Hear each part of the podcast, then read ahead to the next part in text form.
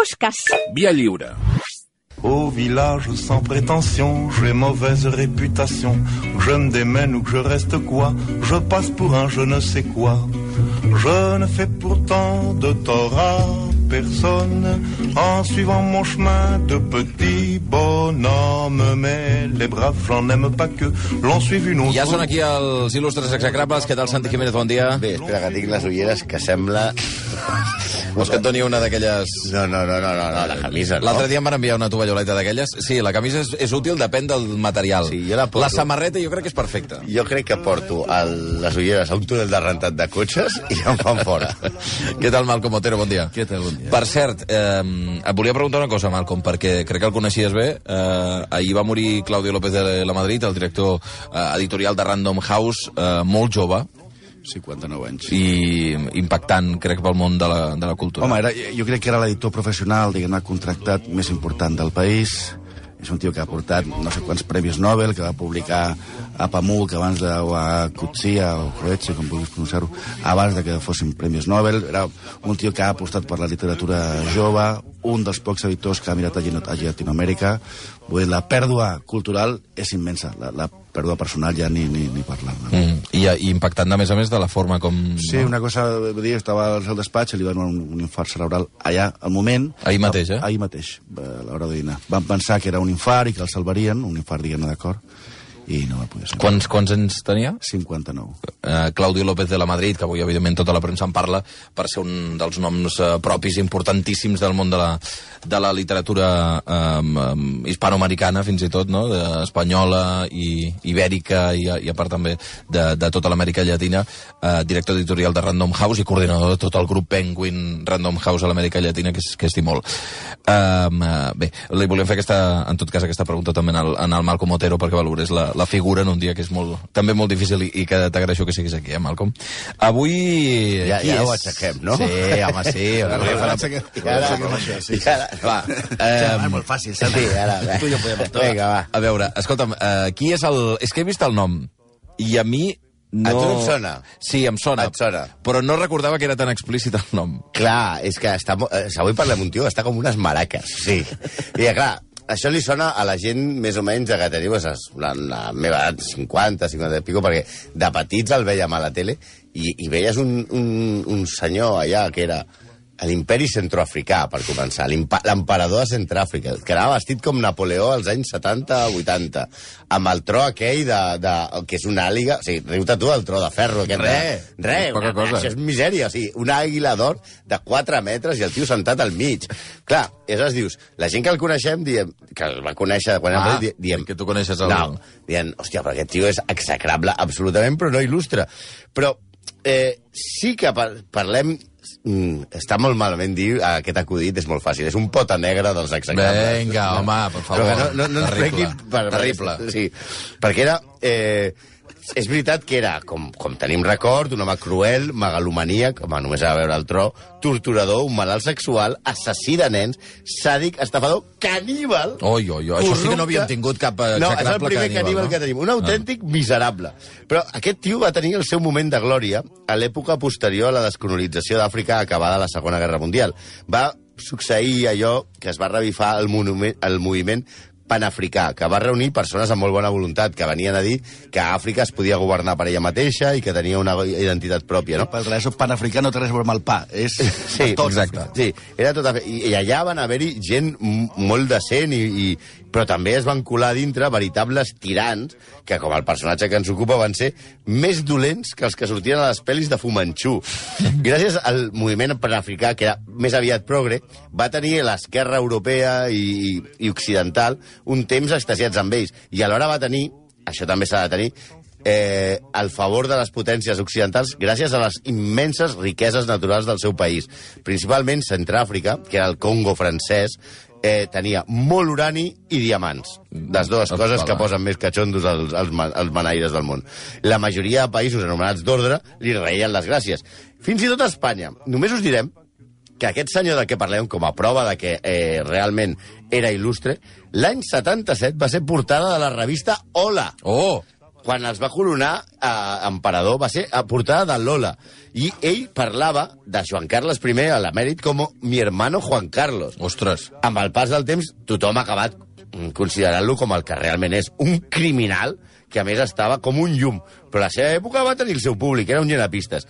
Parlem, a, a, diem, qui és finalment el president, després dictador, i finalment emperador... És un pas més, eh, de, sí, de dictador. Presador, president, Sí. sí. dictador, Emperador. de l'imperi centrafricà, el conegut imperi centrafricà. Jan Bedel Bokassa, també conegut com Salah Eddin Ahmed Bokassa. Per nosaltres, Bokassa primer.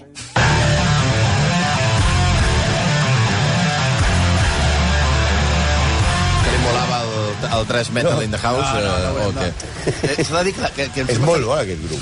Sí, Es diu Bokassa. de Qui són? Es diuen Bocassa? Es aquests? Bocassa. Ah, bueno. Sí, sí. De dir degustació. que La, la broma A de... mi m'agrada. Passarà que, Bocassa que haurem de la- treure'l d'aquí a més o menys 20 segons, perquè no penso Hòstia, però aguantar començar tota el la... matí així, com cachondeo? Bueno, Encara que per Bocassa havíem d'haver posat el tio aquell prim que té la boca tan gran, com es diu el del... El... El Mick Jagger. No, el... Mick Jagger serà animal? bueno, de les coses que s'ha deixat Bocassa que realment valen la pena, una és el grup noruec que va saltar la fama gràcies a Lars Ulrich, Ah. de Metallica, no al ciclista, tot i que els dos tenen en comú els antidòpings i les festes. Va, home. Del Una qual, festa entre Lals Ulrich i Jan Ulrich ha de ser fantàstica. Va. del qual sentim el bonic tema Last Night Sí. was a real massacre.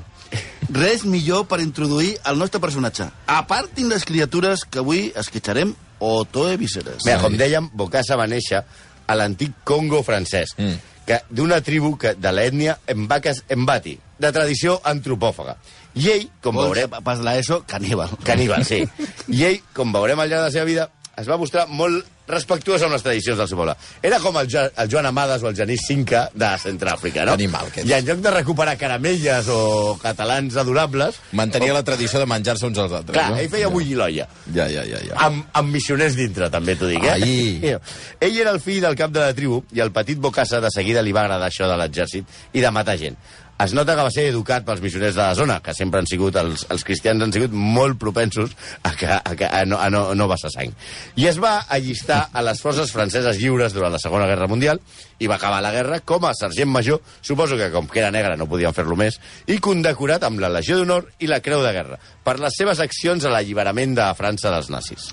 Aquests mèrits militars li van servir un cop acabada la guerra i amb el Congo francès independitzat com a República de Centroàfrica, per ser el cap de les forces militars del nou govern de David Daco, que a més era cosí del nostre homenet. Però resulta que devien ser família llunyana o, no, o s'havien barallat en algun dinar de Nadal perquè a la mínima que va poder, Bokassa va muntar un cop d'estat a Daco i el va fotre fora del país. Estem parlant de l'any 66, quan el panafricanisme havia agafat força i les esquerres dels països del primer món s'ho miraven molta simpatia. Òbviament, entre aquest moviment hi havia gent molt lloable, com dèiem abans, però no tot el mundo bueno, que deia, que, que, que deia el, el Summers. I Bokassa va viure uns anys del prestigi d'altres. En aquest context, les potències occidentals li van passar per alt diverses, diguem-ne, pecadets. Per exemple, com va arribar al poder? Un cop d'estat. Va, no passa res, vinga. Que abolís la Constitució Democràtica del 64 de Daco. Va, no passa res. Ja, que comencés a governar per decret. Vinga, no passa res. Que es carregués la llibertat política. Va, no passa res. Home. Que només crees un únic partit. No passa res. Bueno, escolta'm. Que sigués ell el secretari general president del partit. No passa res. Però és que ell tenia un truco. El seu partit li havia posat un nom molt molon, molt guai, molt cool. No passa res. Semblava xatxi d'esquerres. És que si tu poses a un partit de nom, el partit es deia Mesan. Mesan. Mesan què vol dir? Moviment per l'evolució social de l'Àfrica negra. Sembla una ONG, però era una colla de fills de puta Va. en fila. Més encaio. Tot i això, al principi, semblava que el país es modernitzava i evolucionava.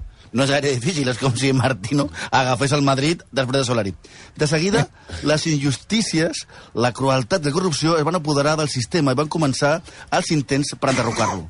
Aquests intents de cop d'estat, lluny de debilitar-lo, el van enfortir més, perquè un cop desactivats, el Sí. que feia Bokassa era carregar-se tota l'oposició, Oh, clar. real o imaginada. Tot Un- pa- tot pa'lante. Sí, una mica Erdogan, eh? Amb, la pena, amb, la, amb pena d'amor. No, més bèstia que Erdogan. Bueno, Sí, sí, una sí, dic de, lo de, Erdogan és Mickey Mouse al costat dic de real o Bocassa, eh? imaginada com, com Erdogan.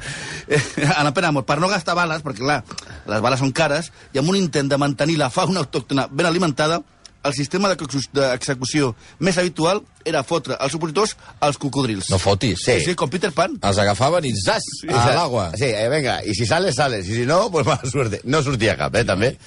Veient que això de la democràcia, encara que fos així falsejada, perquè ella es creia que havia fet un règim democràtic, li portava problemes, Bukasa va decidir aleshores eh, erigir-se com a dictador.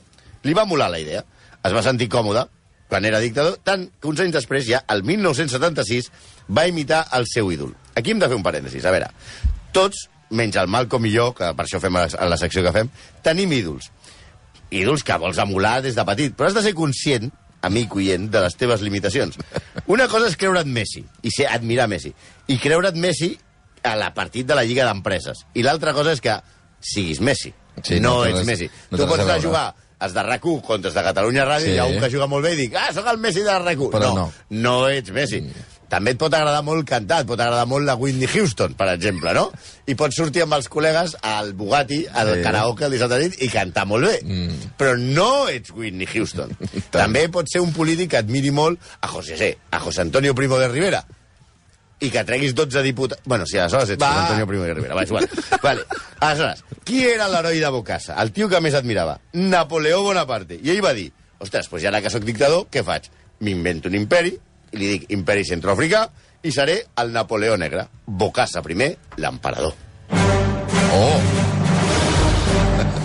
Eh, per cert, jo crec que, que el Bugatti hauria de patrocinar aquest programa, eh? Perquè l'hem esmentat moltes vegades. Home, eh, no hem anat mai, i no hem anat mai. no hi hem anat mai? Mai, Va. mai, mai, mai. Ja, ja, ja. Quan, ja. quan es va fer emperador, Quasi cantes. com deia, quan es va fer emperador, ja va aflorar un dels trets més clars de la seva personalitat, que, per si encara no s'havia donat, i com deia el, el Santi, és que estava com unes maraques. I si a més, com és el cas, el tipus que el convenç que, el convenç que ets emperador ideal pel teu país és un tal Muammar al-Gaddafi, Hosti. que era l'amigote especial, mi más mejor, mejor amigo, que diria Forrest Gump. mi más mejor amigo, Teniente Ram. Quina Teniente ja tenim- Tu eres mi más mejor amigo. còctel explosiu. Hola, Santi. Eh,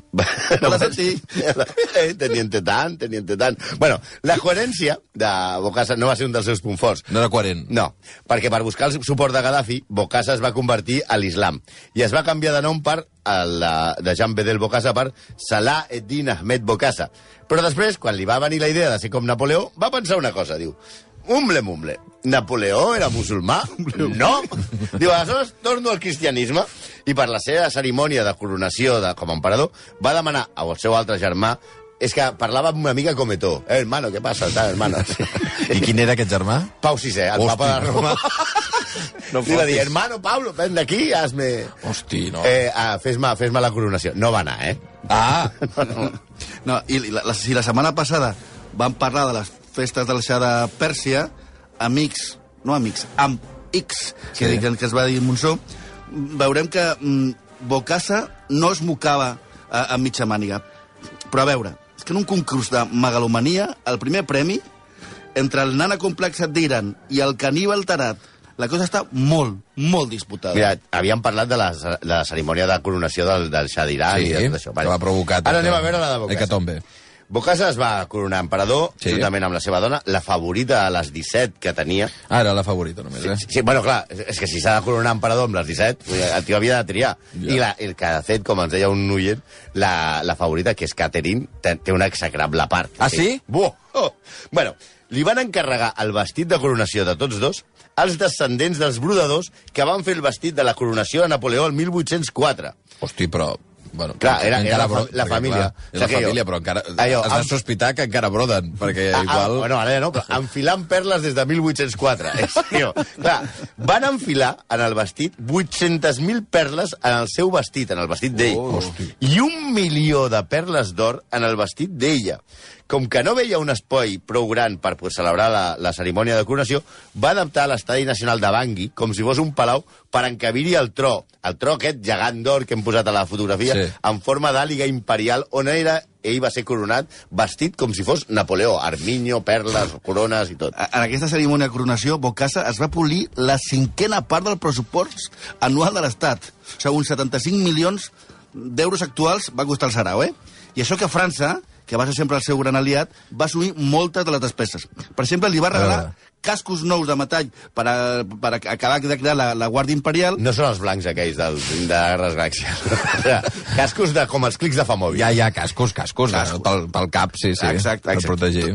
Eh, Tones de menjar i de vi, focs artificials, i també li va regalar 60 Mercedes-Benz Ah. per transportar Home. els convidats més distinguits. I la, fami I la família, clar. Si I la, tens 17 i, clar, dones... només amb 17 dones. Ja, La escenografia de la coronació va copiar, com deia, la, la coronació del Xà, del jubileu d'Isabel II i de la pel·lícula Napoleó de Xarxa Whitry. Sí, per no teniu prou encara, va canviar el nom de la catedral de Bangui i la va anomenar Notre Dame, Oh. si fos la de París.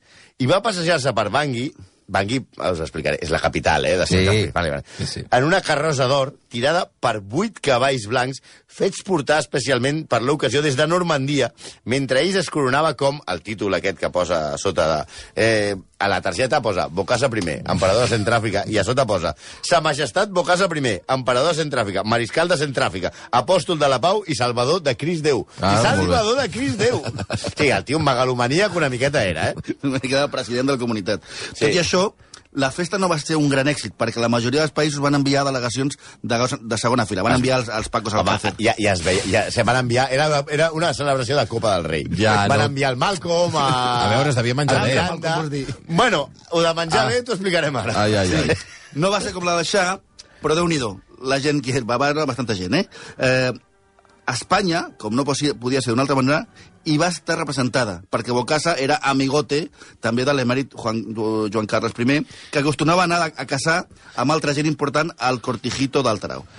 Els regals de Bocasa, els mandataris estrangers, eren, com veurem ara mateix, diamants de la mida del dit gros de l'Ebron James. Hosti, noi. I, és clar, la gent feia ulls grossos amb les seves excentricitats. Clar, ell, ell podia fer totes les animals que volgués, però mentre, quan tu anaves allà et regalava un diamant que, Clar. que, que no, que no el Ves has caga. Shaquille O'Neal. Ves- vull dir- ves- clar, ves- ves què has de dir. Clar, I França era, entre tots els països, la principal fan de Bocassa. Primer perquè el Tiràfrica, com deien, tenia comprat a base de suborns amb diamants a la majoria del govern. O sigui, apareixia un tio que deia hola, soy francès, toma un diamante. Sí, ja està. I a més a més, a, com dèiem abans, a Centràfrica hi havia unes grans reserves d'urani i és l'època de Giscard d'Estaing i que França desenvolupa el seu programa nuclear. I fins i tot eh, Giscard d'Estaing, que també li deia germà, eh, otro. era, era supercol·lega de Bocassa. I mira que Giscard d'Estaing és tot el contrari de Bocassa, és un tio de l'alta societat francesa, amb aquesta cara sempre d'anar ensumant merda i amb una no. escombra fotuda pel cul, i això. bé. Però França depenia de l'urani de. Centràfrica per endur endavant el seu programa nuclear. Per tant, què havia de fer? Mamar a Bocassa. Vinga. Però no podem oblidar que parlem d'un tipus que estava molt torrat i que era extremadament cruel, com dèiem. Perquè, senyors i senyors, vigilin que entrem en la part bona de la història, titulada Sexe i canibalisme.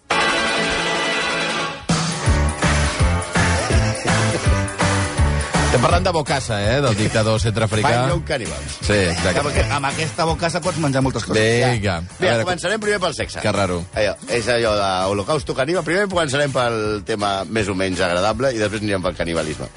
Des de que va pujar al poder, eh, Bocassa estava obsessionat pel sexe i la seva obsessió era tenir una esposa, comprar-se-la a cada país que visitava. És allò, és allò com si el Torra ara se'n va als Estats Units i diu, pues em porto una dona Ah, als Estats. Units. Clar, ell va tenir, arribat a tenir 17 esposes, com dèiem, i es veu que la frustració més gran del seu mandat va ser que mai va poder aconseguir una russa perquè als camarades comunistes no els agradava això de socialitzar el sexe. En canvi, una de les que va tenir i que va arribar a tenir també certa fama tràgica va ser la seva esposa romanesa, coneguda amb el críptic rom de la romana. Li deien la romana, eh? Sí, perquè era romanesa. Sí, ja, ja. Qui era? Eh, Una ballarina de, de, de, ballet. del, del ballet de Bucarest. Que, que després d'haver interpretat la suite del Trencanous en O privat, o trencar ja ens més enteneu de què estem Va. parlant, aquesta metàfora molt complicada, No, hosti, no. eh, el va abandonar... Va, és que en castellà sona mejor, és el cascanueces. Va, oi. Sí, hazme el cascanueces. Va, ah. Va. me casca. Bueno, aquí. bueno, ell el va abandonar perquè va veure que mai la coronarien emperadriu. Per romanesa. Clar, va dir, aquesta, aquí, aquí, aquí No era l'imperi mai serà meu. A Bocassa no li va agradar, no li va caure gaire bé aquesta actitud i la va condemnar a mort, Hòstia. juntament amb tres membres de la seva guàrdia a qui va acusar de tenir fotografies pornogràfiques de la dona amb qui mantenien relacions diguem-ne, il·lícites. Bueno, il·lícites per Bocassa, però són totalment lícites. Bueno, i si és que passava. Després d'aquest episodi, Bocassa va exagerar la seva demència i va tornar-se, per si faltava alguna peça per completar el puzzle, molt gelós. Especialment en Catherine, la dona que dèiem que era la seva favorita, la que té una execrada a part. Ella va ser la que va ser coronada emperadriu i va ser mare de 6 dels 53 fills que va tenir No Bocassa. fotis. 53. 53 fills. 53 fills va I tenir. teníem noms diferents tots, eh? Sí, sí, sí, sí. Però Almenys Imagina't. ho va respectar, això. Catherine no podia quedar-se mai a soles amb els seus guàrdies perquè, ja, perquè no fes de la romanesa i era constantment monitorada amb micròfons. Hosti. Però el que... Realment... El era que... Villarejo amb esposa. Hi havia 53 criatures. I amb 53. O sigui, les gravacions que devien ser vull un plàtan, no sé què, vull no sé què, vull anar a jugar, vull tinc pipi, tinc caca, clar. Allò devia ser horrible. El pobre tio que devies estar escoltant les gravacions de la dona de Bocasa. Transcrivint. Transcrivint. Ara, Bocasa 14 tiene caca. Però Va tirar. el que realment li va donar un nom propi a l'esfera internacional era la seva afició pel canibalisme. Afició, per dir-ho d'alguna manera. Sí, per, una afició. Havia menys persones. S'ha escrit molt sobre aquest tema i quan van començar el Santi i jo a investigar el personatge ens imaginaven que això era una fake news. Dic, ah, això no s'ha Ja. de citar, això es diu i tal. Una exageració dels seus rivals polítics per denigrar un home, que era realment molt cruel i sanguinari. Que era una llegenda urbana, però es veu que no. Que això de menjar carn humana era totalment real. Mira, la, la, primera, la primera prova que tenim és, és el ministre francès de cooperació durant els anys 70, l'administració de Giscard d'Estaing, Robert Galí, explica a les seves memòries que durant un banquet, això que deies tu, es devia menjar bé a, casa, a Can Bocassa. Sí. Durant un banquet d'estat, Bocassa li va dir, després d'acabar-se el segon plat, li diu, vostè no se n'ha donat, eh? però el que s'acaba de menjar és carn humana. Oh! A partir d'aquest detall, que sembla un testimoni fiable perquè està recolzat amb altres històries, i aquest home sembla un senyor seriós, n'arriben d'altres que per esgarrifosos no ho semblen tant, però és que ja comencem a dubtar i les fonts sostenen clarament que realment, sí, menjava carn humana. Sí, per exemple, que li agradava menjar-se alguns òrgans dels seus opositors. No és el que estou pensant. Sí. Quan els detenia i els executava, ordenava al cuiner de Palau que coneix certes vísceres per l'emperador. Sigui, una mica com allò, el silencio dels corderos, no? Això, exacte. Això va explicar a la premsa al mateix cuiner després de la caiguda del règim i va dir que ell mateix estava amenaçat de mort si no complia les ordres. També va dir que a les neveres de Palau s'hi podien trobar part de cossos de nens Ai, no. per ser devorats. I va afegir que els, en els viatges oficials Bocassa sempre portava una mena d'embotits elaborats també amb carn humana per picar entre Fàstic. hores. I aquesta Sí. botifarreta de nen petit... Va. Però, nene, què querés? Què voleu per picar? Unes olives rellenes i una mica de xoriço de nen de 5 anys. Va, Clar, oi, quin horror. nosaltres, que som escèptics per naturalesa, no volíem cre donar crèdit a tals barbaritats, especialment perquè quan va caure el règim i Bocassa va ser jutjat, el van declarar innocent del càrrec de canibalisme. Però també hi ha molts historiadors i africanistes que parlen de que li van exonerar d'aquest càrrec per no reconèixer que aquelles animalades havien passat al seu país. Si fos llegenda o veritat, la veritat també diu que, i això sí que no ens ho creiem tant, que Bocassa va començar, això és boníssim, la llegenda ve dir que Bocassa va agafar afició a anar menjant carn humana però tastant coses diferents. És allò, quan tu dius, on fan el millor sushi o el ramen Sí. de Barcelona? Tu vas provar en restaurants. Ell, com li molava menjar-se gent, anava dient, què és millor, la carn de locutor o la de tècnic? No? Aleshores, anava provant professions, no? I això va donar peu a que el diari rus Isbestia va redactar a finals dels anys 70 un dels millors titulars de la història del periodisme, que deia així, dos punts, cometes. Bocassa es menja l'únic matemàtic del país. Què és allò de dir? Ets un gúmies, ets un, ets, ets una, ets un tragaldaves. Mira que t'he dit que els matemàtics no es toquen. Que només en tenim un. Que no. I només en tenim un. Només tenia un matemàtic i se'l va menjar. És que jo m'imagino el ministre, el ministre arribant i dient Bocasa, que te has comido el matemático, tío. No me fotis. Te me has comido el matemático. I ara com sumem? No, Fem sumat, els pressupostos. sumat com, per, per exemple, les criatures. Clar. Allò, anem a jugar un partit de la selecció nacional, allò, Centràfrica, Kènia. I el seleccionador, hòstia, és que Bocasa se l'ha menjat. No, el, el, que, el que sí és cert és que tots aquests rumors o certeses van influir en el fet de que en un tres i no res Bocassa deixés de ser vist per Occident com un líder només eh, extravagant. Home, sí. Clar, la seva no crueltat... tot. més, enllà, de les- més enllà de les, les acusacions de, de canibalisme, ja no queia bé ni a França, que va començar a valorar si s'havien equivocat donant suport a aquest govern titella. Per escomptat, la revista Hola ja no va dedicar Ah, no? més portada. No, Bueno, no. no quedava molt bé posar Ja, ja, a, a, a Bocasa el costat de la duquesa d'Alba. Però el fet que va desencadenar al final de Bocasa, i aquest sí que està contrastat absolutament, és la infame massacre de nens a la presó de, això diré bé, Gargava. Atenció, que la cosa es posa encara, encara ja era difícil, més truculenta. Què va passar? Va resultar és la gota que fa vessar el, el, el vas de la, del recolzament occidental allà. Va ser els estudiants, els nens de Centràfrica, es van declarar en vaga de berenar a l'escola i feien manifestacions. I per què les feien? Per protestar contra el preu abusiu dels uniformes que estaven obligats a portar per anar a escola. Què passava? Qui feia els uniformes? Bocassa. Qui cobrava els uniformes? Lo Bocassa. mismo. I els hi cobrava a la gent. Els nens van dir que no podien a, assumir i van fer manifestacions. Evidentment, la, la policia va dissoldre les manifestacions brutalment i va quedar un nombre indeterminat de morts i ferits pels carrers. Ojo, que parlem d'una manifestació que formaven nens de 6 fins a joves de 25 anys. I el pitjor encara havia d'arribar. Sí, perquè uns 500 joves manifestants van ser detinguts i traslladat a la temuda presó, ho diré un altre cop, mm, Nangarava. Molts van morir durant el trasllat a causa de les puntades i els cops que els van donar els militars. Durant la nit del, 20, del 19 al 20 d'abril, el mateix Bocassa va anar a la presó i des de les cel·les uns quants van començar a cridar «Mort a l'emperador! Mort a l'emperador!» Bocassa els va respondre «No, sou vosaltres els que morireu». I ell mateix va liquidar a trets a uns 60 nens i adolescents. Sí, la, la bogeria i la cruetat d'aquest psicòpata atarat ja era insuportable fins i tot per França, que, que li va riure totes les gràcies. Fins i tot, en primera instància, aquesta matança de la presó d'Engrava la va, eh, la va qualificar el govern francès de pseudoesdeveniment. Però la pressió internacional va ser tan forta que el mateix govern francès, que continuava qualificant el monstre com amic i membre de la família, va iniciar una conspiració per fer un cop d'estat que fes caure a Bocassa. El van anomenar Operació Barracuda. Sempre m'han agradat els noms aquests que posen d'operacions. Aprofitant que Bocassa estava de viatge a Líbia, visitant, per cert, el seu amic Gaddafi, Mi va mejor amigo. sí. mejor amigo, França va propiciar un cop d'estat que va retornar al poder a Daco, que sembla Draco aquest del, del, dels Filípicos. El cosí que ell mateix havia ender- enderrocat 13 anys abans. Primer es va refugiar a Costa d'Ivori, Costa de Marfil, perquè els francesos no el van voler acollir al seu territori. Tot i que al voltant de, als voltants de París, Bocassa era propietari de quatre castells, una luxosa vila a la Costa Blava i un hotel que tenia i un, un hotel i un avió particular que tenia l'aeroport de París. Clar, el que passa és que els francesos no volien dir, ah, de ser tan amics, van dir, a tu aparta bicho, que contigo no quiero nada.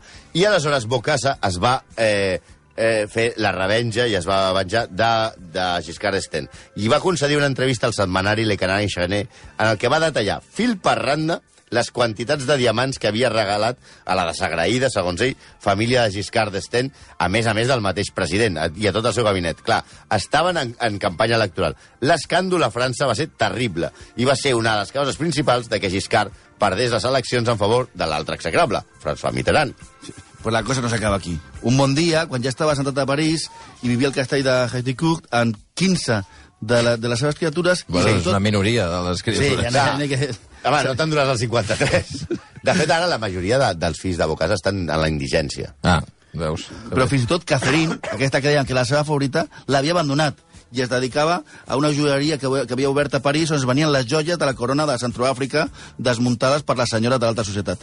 Bocassa, un bon dia va decidir, una feliç idea, va decidir pujar al seu avió i va aterrar a Bangui, on esperava que el poble digués home, ha tornat l'heroi, i el sí. rebessin com un heroi. Eh, És, és absolutament increïble, perquè eh, Bocassa havia estat condemnat pels tribunals de Centràfrica en absència a mort.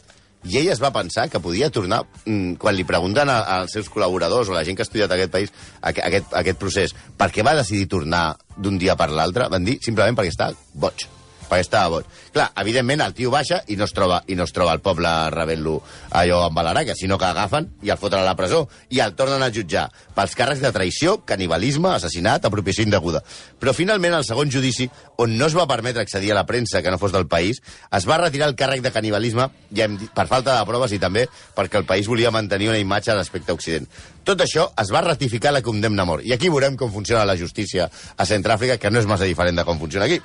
El condemnen a cadena perpètua. Als tres mesos el redueixen a 20 anys. a l'any següent, el president Andrés Colinga decreta amnistia política i, i al final deixa anar a Bocassa, que l'any 93 mor d'un atac de cor eh, està en lliure. I sabeu què és el pitjor de tot? Que encara avui en dia hi ha sectors a Centràfrica que comencen a recordar Bocassa com un bon president, vista la situació que tenen actualment en el país. La figura és revisitada i estan dient, bueno, no era tan dolent, Eh, mira, que, cuinava el bé. que tenim ara... Això em sona una mica. Sí, els monstres vegades- sempre tornen. Sí, i... Ai, doncs tampoc no era... No, Hitler feia bones autopistes. Sí. No pintava malament. Pantans, sí, tot això. Sí, Sí, sí. bueno, en fi. Les 11 i 9 minuts, gràcies, exagrables, eh? Ala, anem a, anem a esmorzar, que ens ha entrat gana. Vinga. Ai, no. Monde viendra me voir pendu, sauf les aveugles, bien entendu.